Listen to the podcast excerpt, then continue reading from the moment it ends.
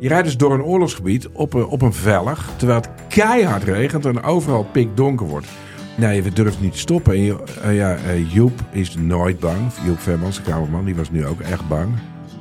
Via podimo.nl slash gonzo luister je de eerste 30 dagen gratis naar Podimo. podimo.nl slash gonzo. De strijd om de miljoenen van Siewert van Liende is losgebarsten. Zowel de staat als zijn stichting eisen de mondkapjeswinst terug. Maar dat die opbrengst in ieder geval niet thuis hoort bij Van Liende, daarover kan toch eigenlijk geen twijfel bestaan. Hoe kon het zo ver komen? Dit is het. We hebben beet. En als Siewert het geld teruggeeft, kunnen wij dit schandaal dan eindelijk loslaten? Je hoort het in de Mondkapjesmiljonairs, exclusief bij Podimo. Ga naar podimo.nl slash mondkapjes. Hallo, vanaf de redactie van de Groene Amsterdammer is dit uw wekelijkse podcast. Ik ben Kees van der Bos.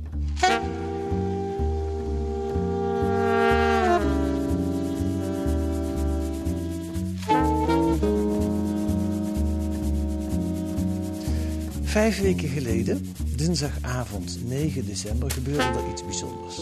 Een gebeurtenis die het leven van de journaliste Ingeborg Beugel flink op zijn kop zette. Of eigenlijk ernstiger, ze is gevlucht uit Griekenland. Wat is er gebeurd? Die avond hielden premier Kyriakos Mitsotakis.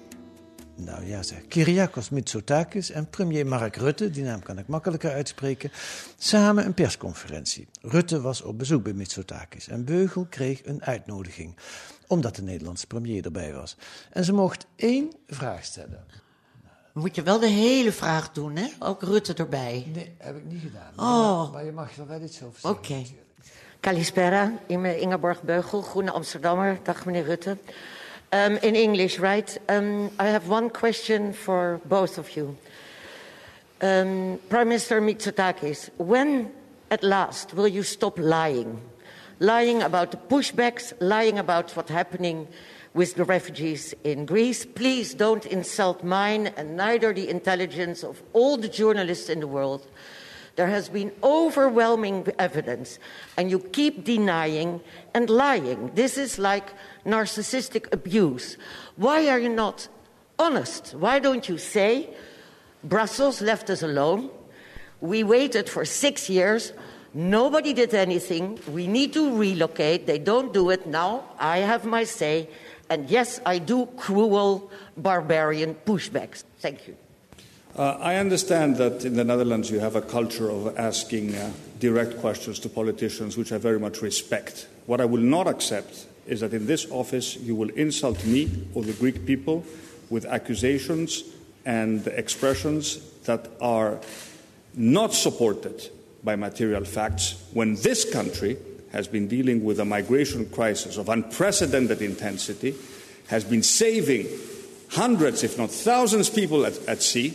We just uh, rescued uh, uh, 250 people uh, in danger of drowning um, south of Crete. We are doing this every single day, rescuing people at sea, while at the same time, yes, we are intercepting boats that come from Turkey, as we have the right to do in accordance with European regulation, and waiting for the Turkish Coast Guard to come and pick them up to return them to Turkey.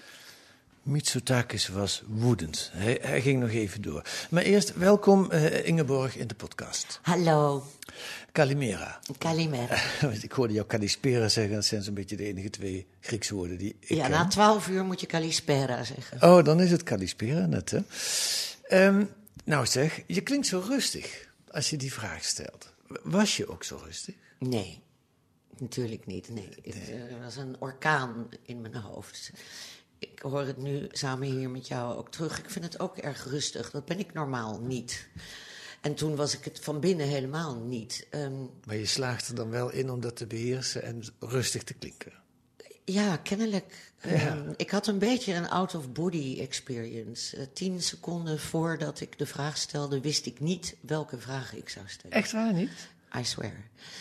Eh, ik had namelijk een, ehm, een filmpje eh, dat ik tijdens of voor de persconferentie in dat Megaro Maximo, dat is het Atheense katshuis waar Mitsotakis Rutte ontving, gemaakt en, eh, op mijn telefoon. Dus uh, twee heren, ze zijn beide van gelijk postuur. Ze lijken een beetje op elkaar. Ze Ja. hebben ook alle twee van die strakke pakjes aan. Ja, viel me ook op. En eh, wij stonden daar, je moet je voorstellen, dat is zo'n soort White House eh, eh, briefing setting. Hè? Dus je zag al de katheders waarachter ze later zouden plaatsnemen. En dan zijn er stoeltjes en daarachter zijn die camera's.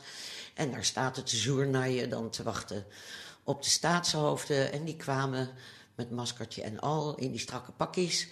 De blauwe loper van de marmeren trappen oplopen. En Rutte deed, ik vond, gênant joviaal. Dus eh, hallo allemaal. En eh, ik kromp een beetje in elkaar. En opeens kwam helemaal van achter, dus van achter de katheders, langs al die stoelen en die camera's, een hond. Dat was de hond van Mitsotakis.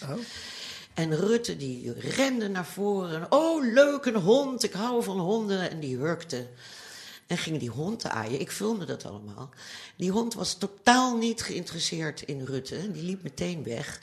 Een beetje zo snuffelend naar die journalisten. En die kwam recht op mij af en likte mijn hand. Dat heb ik gefilmd. En daarna verdwenen de twee staatshoven in een kamer waar ze dan twintig minuten. Ik heb geen idee wat ze daar doen. Twintig minuten, in ieder geval niet de vluchtelingenhorror oplossen. En tijdens die twintig minuten had ik dat op Twitter gezet en op Facebook. Eh, natuurlijk met de onderliggende gedachte, ja, iedereen weet, eh, honden weten wie goed en slecht eh, is. En eh, nou, die hond van Mitsotakis liet de twee staatshoofden liggen en kwam regelrecht op mij af. Toen wist ik nog niet wat er zou gebeuren met die vraag. Dit was allemaal daarvoor. Maar ik had dat gepost met de vraag aan mijn volgers. Zometeen sta ik tegenover de twee staatshoofden die verantwoordelijk zijn voor de leugens over de pushbacks en ook voor de pushbacks en de horror voor vluchtelingen in Griekenland. Wat vinden jullie dat ik hen moet vragen? En toen kwamen er tientallen, weet niet hoeveel, suggesties van volgers binnen. De meeste kwamen neer op vraag hen alsjeblieft of ze s'nachts nog wel kunnen slapen. Nou, daar kan je als journalist in zo'n setting niet mee, veel mee. Uh, dus ik had het mezelf moeilijk gemaakt, want in plaats van me te concentreren en te denken aan de vraag die ik moest stellen, ging ik al die suggesties lezen. Niet handig. Toen werd ik ook nog eens op de eerste rij gezet door uh, de, het hoofd van de press office van de, de, Griekse premier. Had ik ook niet om gevraagd. Even voor de, je bent bij deze gelegenheid uitgenodigd omdat Rutte er was. Hè? Tuurlijk. Dus dan, vragen ze Nederlandse journalisten. En zoals je ergens schreef, blijkbaar lezen ze het slecht te groeten, want ze hebben jou ook gevraagd. Um, er was een net nieuwe Nederlandse ambassadrice. De vorige had mij nooit uitgenodigd. Ja. ja. Uh, maar, even... En, en, maar even om het verhaal af te maken. Um, toen, toen moest ik dus mijn vraag stellen. Ja. En ik wist niet welke. En toen flitste door mijn hoofd. Uh, Jeremy Paxman, dat is wel een journalistiek idool van mij. Hij, van uit de, jaren negentig van BBC Newsnight. Ja. En hij deed vooral de oorlog in voormalig Joegoslavië. En ik herinnerde me opeens, uit een ver verleden, hoe Jeremy Paxman in de studio een kruisgesprek had met president Karadzic. Op het hoogtepunt van de oorlog in voormalig Joegoslavië. En Jeremy Paxman zegt tegen de Bosnische president: Mr. President, why don't you just stop killing all those people? En Karadzic ontploft, net zoals Mitsotakis ontplofte. Bla bla bla bla. Paxman onderbreekt hem en vraagt hem dezelfde vraag nog een keer. Lang verhaal kort. Ja. Jeremy Paxman heeft Karadzic toen zeven keer dezelfde vraag gesteld. Dat was sowieso zijn stijl. En aan ja. het einde zette hij hem gewoon weg. Zo van, u liegt, u Ja. antwoordt niet, ik heb Ja. geen zin meer in u. De remote control, vloep, Karadzic verdween van dat screen. En toen had ik die out-of-body experience en hoorde ik mezelf die vraag stellen... Why don't you just stop lying at last? Ja, nou weet je wat het, het knappe van die vraag is? Er zijn, er zijn verschillende dingen. Je had jij wel meteen in de gaten dat je een beetje buiten de orde trad? Door Nee, zo- niet meteen. Toen hij ontplofte wel. Ja, oh ja. Want eh, het knappe van die vraag is dat je niet, wat journalisten gebruikelijk doen, begint over de bewijzen van de pushbacks en zegt, "Ah, wat vindt u ervan? Maar dat je dat als, als bekend veronderstelt, wat het eigenlijk ook is voor iedereen die het wil weten. En u zegt, waarom liegt u toch steeds? En dat is een vraag waar je bijna geen goed antwoord op kunt geven. Dus dat, was wel een hele knappe vraag, vind ik. geïnspireerd door Jeremy Paxman. Want dat, dat was dezelfde situatie. Karadzic vermoorde moslims. Iedereen wist dat. Maar er was toen ook zo'n wel eens niet een spelletje de hele tijd. Ja. Dat journalisten zeiden, nou, we hebben daar weer een massavracht gevonden. Er liggen er zoveel in. En dan zegt Karadzic, nou nee, er is gewoon no evidence. Precies hetzelfde als met Mitsotakis. Dus door hem op die manier te stellen, inderdaad, Ja. vermijd je dat wel eens niet een spelletje. Want daar had ik na twee jaar geen zin meer in. Nee. Want laten we even duidelijk stellen. Er zijn overtuigende bewijzen, jij schrijft ze ook in, de, in het artikel naar aanleiding waarvan je hier nu zit, eh, dat die pushbacks bestaan. Ze zijn gedocumenteerd. Er is een Himalaya-gebergte aan onomstootbaar bewijs Ja. inmiddels. En die pushbacks is geen flauwekul. Pushbacks klinkt nog een beetje als terugduwen, maar het gaat echt om slaan, martelen, schoenen afpakken, telefoons afpakken van vluchtelingen. Die, Zelfs geld dat ze in rolletjes in hun anus verstopt hebben. ja. En het is niet alleen op zee, het is ook op land. Want op die aanspoeleilanden zijn nu Griekse commando's. By the way, betaald door jou en mij. Want dat gaat allemaal met EU-geld. Dat moet dus ook heel snel veranderen.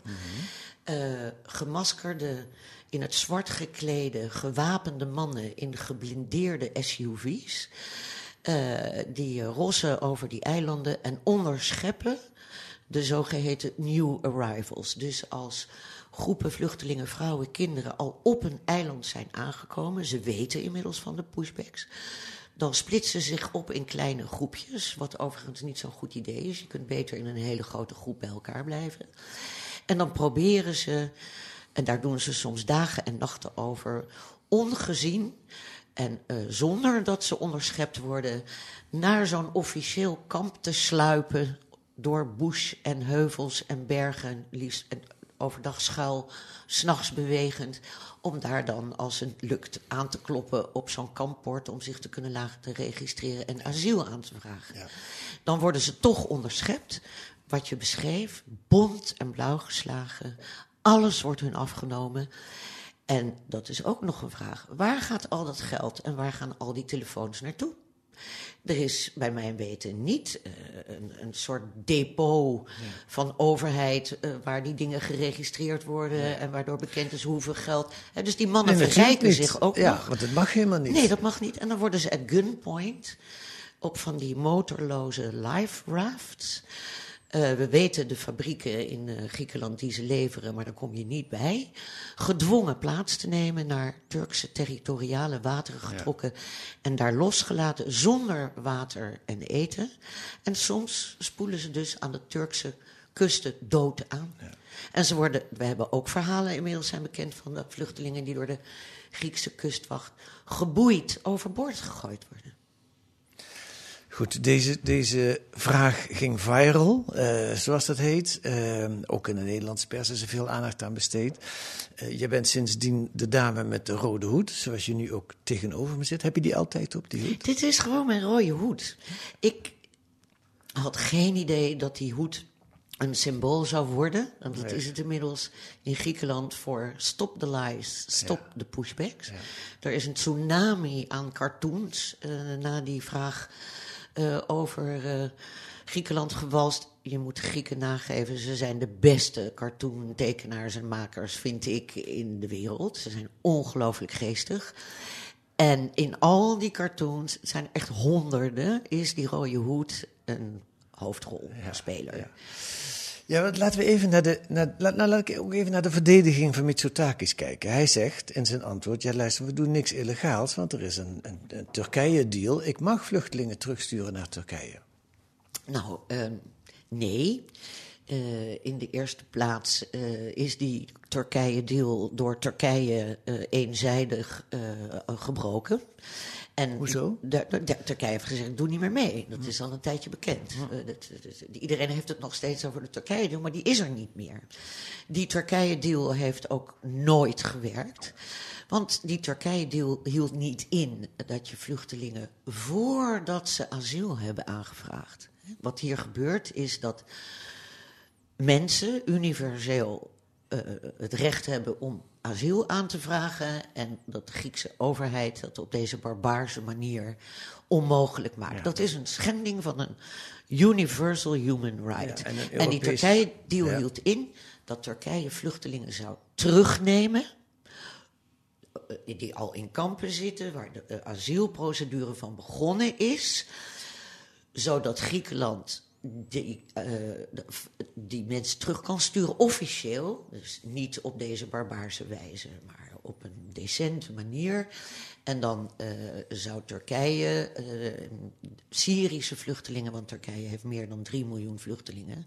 Het zijn er nu inmiddels 5 miljoen.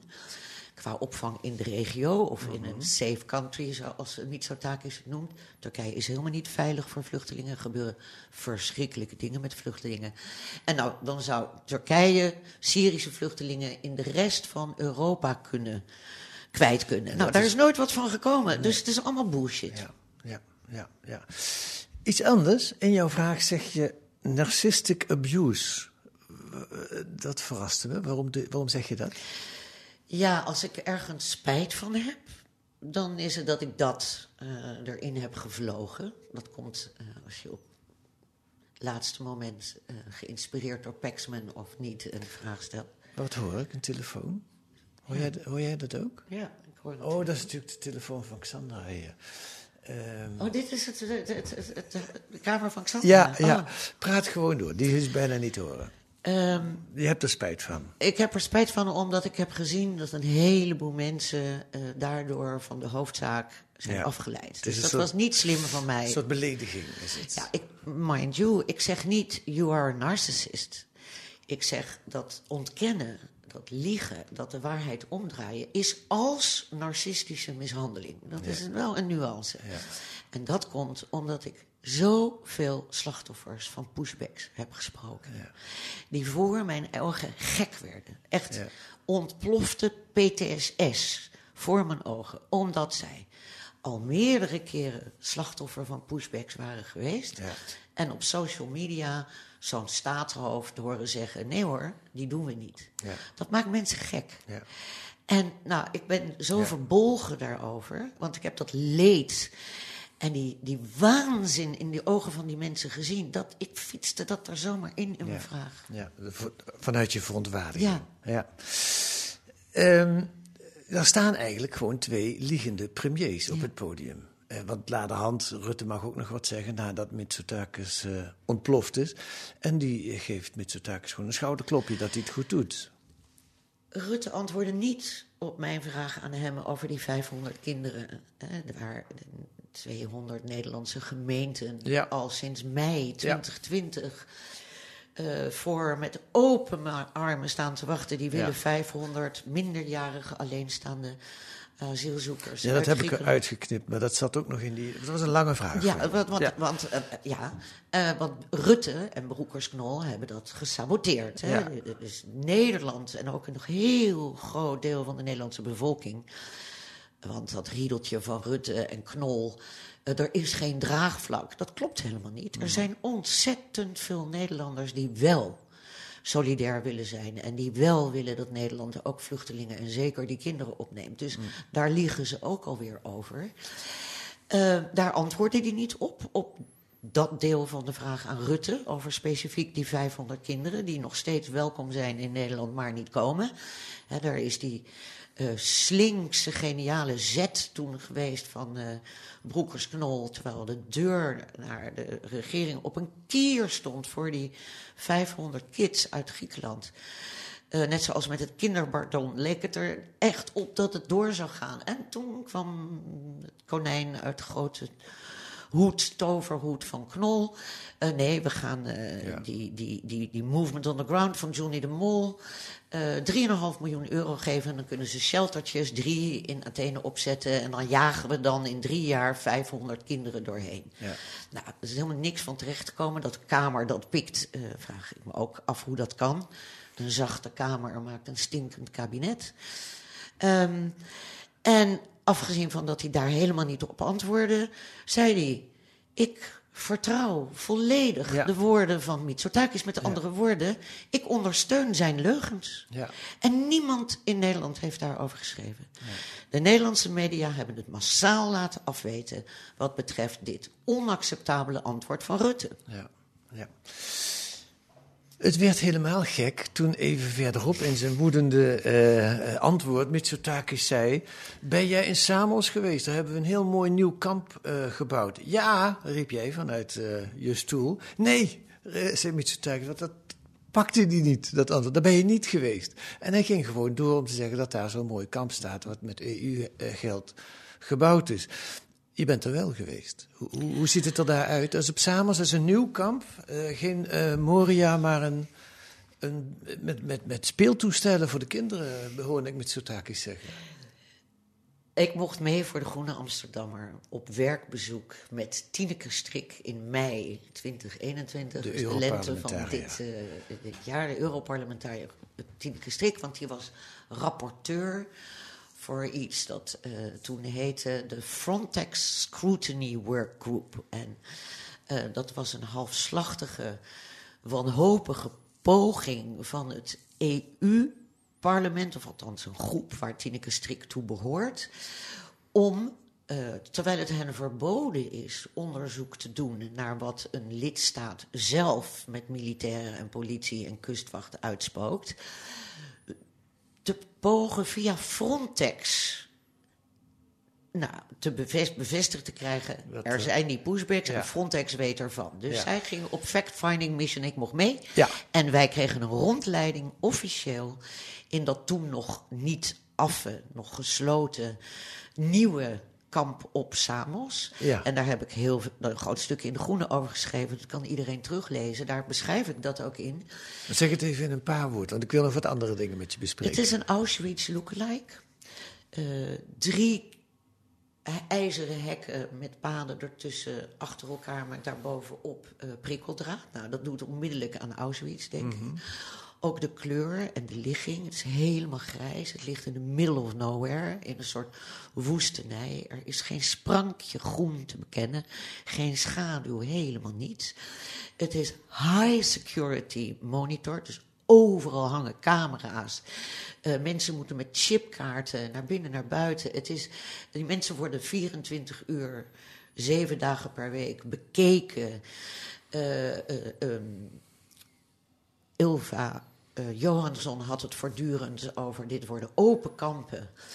Terwijl Mitsotakis en de Griekse minister van Asiel en Migratie, Mitarakis, de collega van Broekers-Knol, zeg maar, uh, naar de achterban in Griekenland het voortdurend had over gesloten kampen. Dus er was een bizar langs elkaar heen gepraat, jarenlang in Brussel. Ik was de eerste die erover schreef in De Groene, eind 2019. Jongens, Brussel heeft het over open nieuwe kampen, waar vluchtelingen vrij in en uit mogen. Mhm. Maar in Griekenland wordt er alleen maar over gesloten kampen gesproken. Wat gaat er nou gebeuren? Want we kennen het Australië gefaalde nou. systeem. En dat kopiëren we nu. Ja, nou, daar, moet ik, daar moest ik aan denken. Iemand zei dat ook vanochtend tegen mij. Toen een jaar of tien geleden Australië bekend maakte dat ze geen vluchtelingen wilden opnemen, maar ergens een eiland uh, uh, ver weg, dat ze ze daar neer gingen zetten en dan eens gingen kijken wat ze ermee gingen doen, was de verontwaardiging hier enorm groot. Dat stond in de kranten als van, moet toch eens kijken wat die Australiërs doen. Inmiddels doen wij het als Europa dus ook gewoon. Exactly. Ik, ik snap het ook niet. Nog, nog voor er begonnen werd met het bouwen van dit horrorkamp... waar 3500 mensen in kunnen... zijn dus alleen maar containers. En dat is dicht van 8 uur s ochtends tot 8 uur s avonds. Dan moet je binnen zijn. Zo niet raakt je asielprocedure in de problemen. Um, acht uur s avonds is dramatisch in de zomer. Want het wordt pas leefbaar op zo'n eiland na acht uur. Dan is de hitte pas weg. Dan gaan de mensen, de Grieken, de toeristen pas naar buiten. Daarvoor tussen acht uur s ochtends en acht uur s avonds. Als het 38 of 43 of 45 graden is, is het niet te doen. Het is 20 kilometer van de bebouwde kom. Er zouden uh, busdiensten zijn. Ja, die zijn er wel, maar daar moet je voor betalen. Dan ja. hebben het geld. Uh, de vluchtelingen hebben daar het geld niet voor. Het is absolute horror. En dat speeltuintje, waar Mitsotakis over ja. pocht... dat hebben Tineke Strik en haar entourage en mijn fotograaf en ik dus gezien. En we kregen tranen in onze ogen. En we konden er s'avonds niet van slapen. Want het is een soort anti-speeltuin. Je hebt antichrist. Maar dit is, als je je wij moesten onze ogen half sluiten en ons voorstellen dat daar kindjes zouden spelen. wat is een anti-speeltuin? Nou, dat is Moet je je voorstellen, helemaal omringd door hekken en prikkeldraad. In die grijsheid en dat schitterende metaal. In de ongenadige zon zonder enige schaduw. Staan dan een paar plastic, lelijk, Walt Disney kleuren. Geel, blauw, rood. Plastic prutspeeldingen. Een, een, een glijbaantje, een wipje en een schommeltje. In die gevangenis. En dat, daar schept hij over op, Mitsotakis. Daar schept hij over op. Het tegendeel van een speeltuin is een anti-speeltuin. Genoeg over de persconferentie. De, de, de tijd vliegt. Ik wil eigenlijk nog, nog van alles met je bespreken. Eén ding is, ehm jou wacht ook nog een proces. Twee processen zelfs in, in, in Griekenland. En dat heeft te maken met het feit dat jij ook persoonlijk een vluchteling, een Afghaanse jongeman... eh, nou, ik ga niet het hele verhaal vertellen, maar die eh, heel slecht behandeld is in de asielprocedure. Jij hebt die op de een of andere manier ontmoet en je hebt hem onderdak gegeven. Je geeft hem onderdak, want dat doe je nog steeds. Ja, al drie jaar. Hij Ja. heet Vrij Doen in de Groene. Dat is echt een terugkerende figuur in mijn verhaaltjes in de Groene. Heet hij alleen in de groene vrij doen of in het echt ook? Nee, in het, ik noem hem in de Groene Vrij Doen. Oké. En ehm, eh, eh, ik, hij was al zes jaar in Griekenland eh, nu. En ik heb hem al drie jaar bij mij in huis. En ik heb een vreemdelingenadvocaat voor hem in de hand genomen. Dus ik vecht met mijn advocaat al drie jaar voor zijn asiel. En het enige lichtpuntje in dit hele drama is dat twee maanden geleden Vrij Doen asiel heeft gekregen. Hey. Dus dat was waanzinnig. Ja. En dat was ook heel raar, want eh, de advocaat die belde. Dat was na de arrestatie op Hydra. En dat we geboeid eh, aan elkaar gedeporteerd zijn naar eh Piraeus. Want daar gaat die rechtszaak over. Ja, waarom ben je gearresteerd dan? Ehm, het officiële verhaal is dat vijf anonieme bellers naar de lokale politie op Hydra, waar ons familiehuis staat en waar ik met vrij doen was. Een Griekse eiland. Hè? Dat Griekse eiland, dat vijf anonieme bellers naar de politie hebben gebeld en hebben gezegd: eh, die, die Ingeborg Beugel heeft een verdachte relatie met een illegale, ongedocumenteerde migrant. Wat is een verdachte relatie? Ja, nou, Bedoel, dat weet mag- ik. Zelf- zelfs heb je relatie met hem, dat mag toch? nou ja, in, in die hele eh, digitale, mediatieke heksenverbranding die na mijn vraag aan Mitsotakis in Griekenland op gang is gekomen, word ik door Jan en Alleman ervan beschuldigd dat ik vrij doen uitbuiten als seksslaafje. Eh, dat ik orgies organiseer, zelfs met zijn hond. Eh, zo heb ik volgens eh, allerlei sociale media ook twee Pakistaanse slaven die mijn honden op eh, Hydra uitlaten. Het is allemaal te bizar voor woorden, maar het gaat heel erg ver. Hè. Die, die hetsencampagne is ook heel seksistisch, heel misogyn. Maar nu officieel, want je wordt, je wordt vervolgd. Wat, Ja, heb je, de- wat was je beschuldiging? Nou ja, de, en, en dus die vijf anoniem, dit is de officiële eh, versie. En toen is de politie gekomen en die hebben ons alle twee, of althans eerst is Vrij Doen gearresteerd. Eh, toen ben ik naar het politiebureau gehold om hem te helpen. En tot mijn stomme verbazing werd ik zelf ook gearresteerd. Wij weten wie hierachter zit, maar dat mag ik niet zeggen, want dan krijg ik weer een rechtszaak eh, achter mijn broek. Maar ehm, ehm, deze eh, beschuldiging is eh, nu van de officier van justitie gebaseerd op een oude wet van papa Mitsotakis, dus de vader van Mitsotakis. Begin jaren negentig, toen kwamen de Albanese als vluchtelingen in Griekenland binnen eh, is die wet tot stand gekomen. En die was vooral bedoeld tegen Griekse werkgevers die Albanezen zonder papieren in dienst namen en voor zich lieten werken voor minder geld dan Grieken. Dus, en daar is die wet ook alleen maar voor gebruikt. Als jij een Griekse werkgever bent en eh, je betaalt een ongedocumenteerd iemand eh, voor werk, dan riskeer je vijf jaar gevangenisschap en 30.000 boekte. En ergens zit een slapende clausule dat als je als particulier, en daar willen ze mij mee pakken, eh, eh, iemand faciliteert illegaal Griekenland binnen te komen en voor de autoriteiten in je huis verstopt, dan riskeer je één jaar en 10.000. Daar is allemaal niet van waar. Ik heb Vrijdoen niet geholpen Griekenland binnen te komen. Hij was er al drie jaar toen ik hem tijdens het draaien van mijn documentaire serie over de Griekse crisis ontmoette in een horrorkamp. Ik heb hem gewoon uit dat horrorkamp gered. Ik heb hem nooit verborgen voor de autoriteiten. Ik sta ook in zijn asieldossier. Uh, maar op dat moment had Mitsotakis de Griekse Asylum Service gesloten.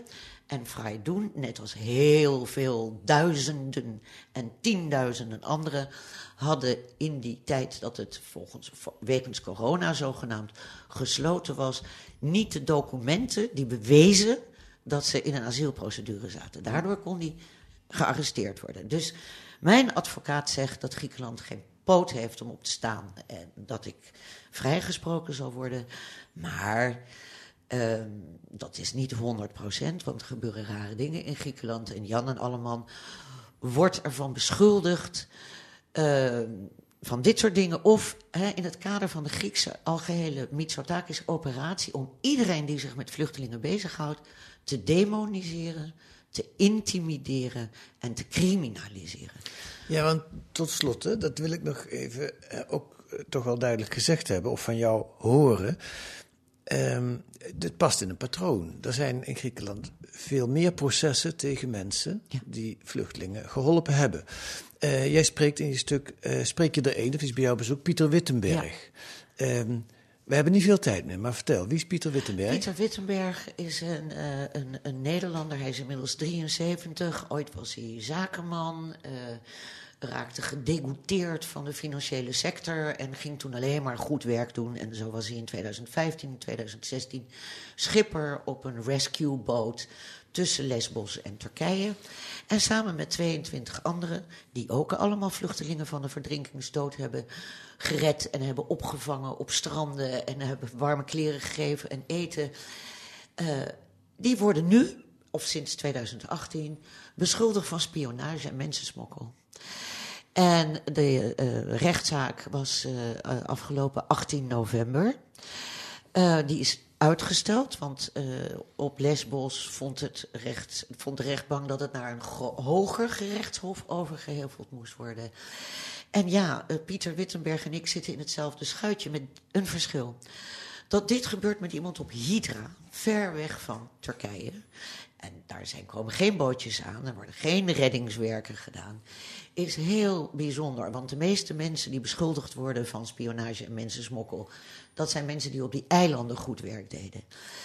Wat ik hiermee wil zeggen is dat sinds Mitsotakis, dat is nu drie jaar, sinds 2019, niet alleen Griekenland gekelderd is naar plaats 70 op de wereldlijst voor persvrijheid in luttele tijd, uh, maar waar, waar, hebben ze dat aan te danken? Nee, maak eerst nou, die, zin af, dan doen we dan waar hebben ze dat aan te danken. Maar er is ook een klimaat ontstaan door Mitsotakis, waarin allerlei types, die er natuurlijk altijd waren, uh, bijvoorbeeld op dat eilandje van mij, die mij al 40 jaar haten. En die Gouden Dageraad stemde, die onlang, vorig jaar, uh, nee, 2017 verboden neonazistische partij. Gouden Dageraad. Zoiets als het Forum voor Democratie, maar dan Grieks. Ja. Maar dankzij uh, Tsipras, de vorige linkse regering, is die partij verboden. En nu is Mitsotakis er en die heeft dus een klimaat gecreëerd waarin types, zoals die bellers op mijn eiland, opeens dingen durven te doen die ze daarvoor niet durfden te hm. doen. Dus dat ik op deze manier gepest word, dat op deze manier geprobeerd wordt mijn leven te verwoesten. Uh, door financiële en emotionele en mentale uitputting, want advocaten en toestanden, dat is allemaal niet leuk. Um, willen ze je mond doodmaken door die uitputtingsslag? Dat dat gebeurt ver weg van de aanspoeleilanden, dat is nieuw. Hm.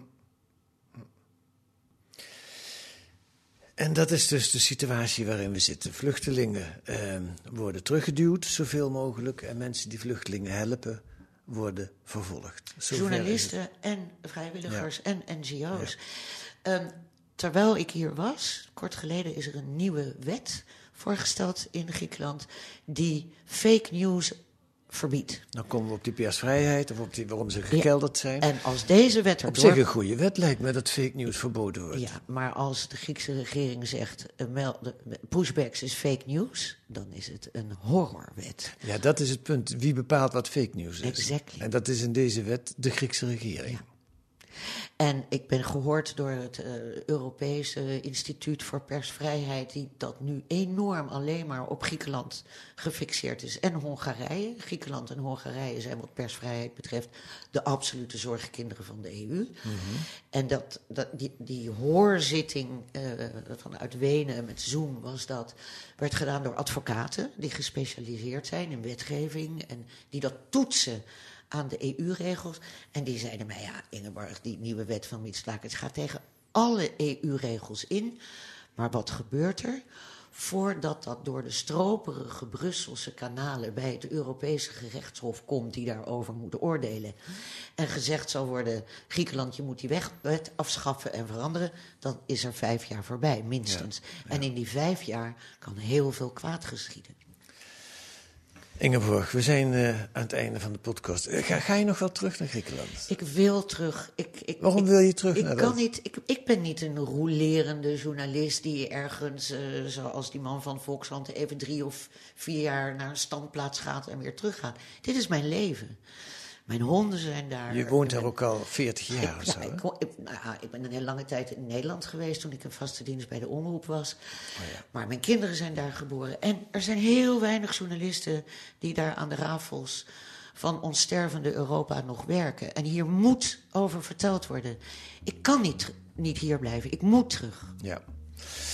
Nou, en eh, dat levert weer mooie artikelen in de Groene Amsterdam op. Dankjewel Ingeborg Beukel voor dit gesprek. Graag gedaan.